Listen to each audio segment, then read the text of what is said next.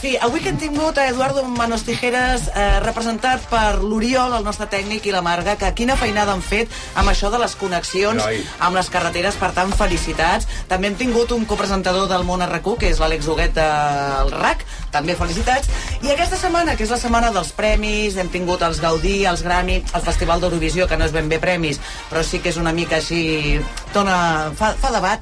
Aquí tenim una premiada, i no hem dit res. Mm, a la Lola li han donat un premi, que és el Puro Cora per la seva feina com a analista política, home.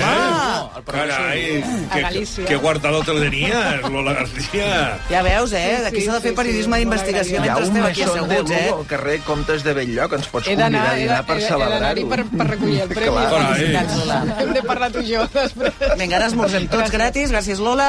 També avui que hem parlat d'aquestes manifestacions de la pagesia, sobretot de la burocratització, en Joan, que ens recordava que no és només en aquest sector, sinó en molts d'altres, i ens deia, cada any a Catalunya milers de persones que tenen reconeguda la dependència moren perquè no cobren cap ajuda.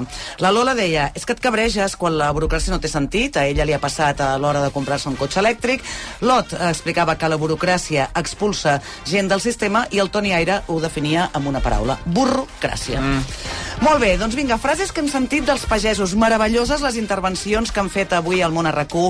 Sempre seré pagès, però no podré viure de la pagesia. No hi ha res a fer perquè no ens volen.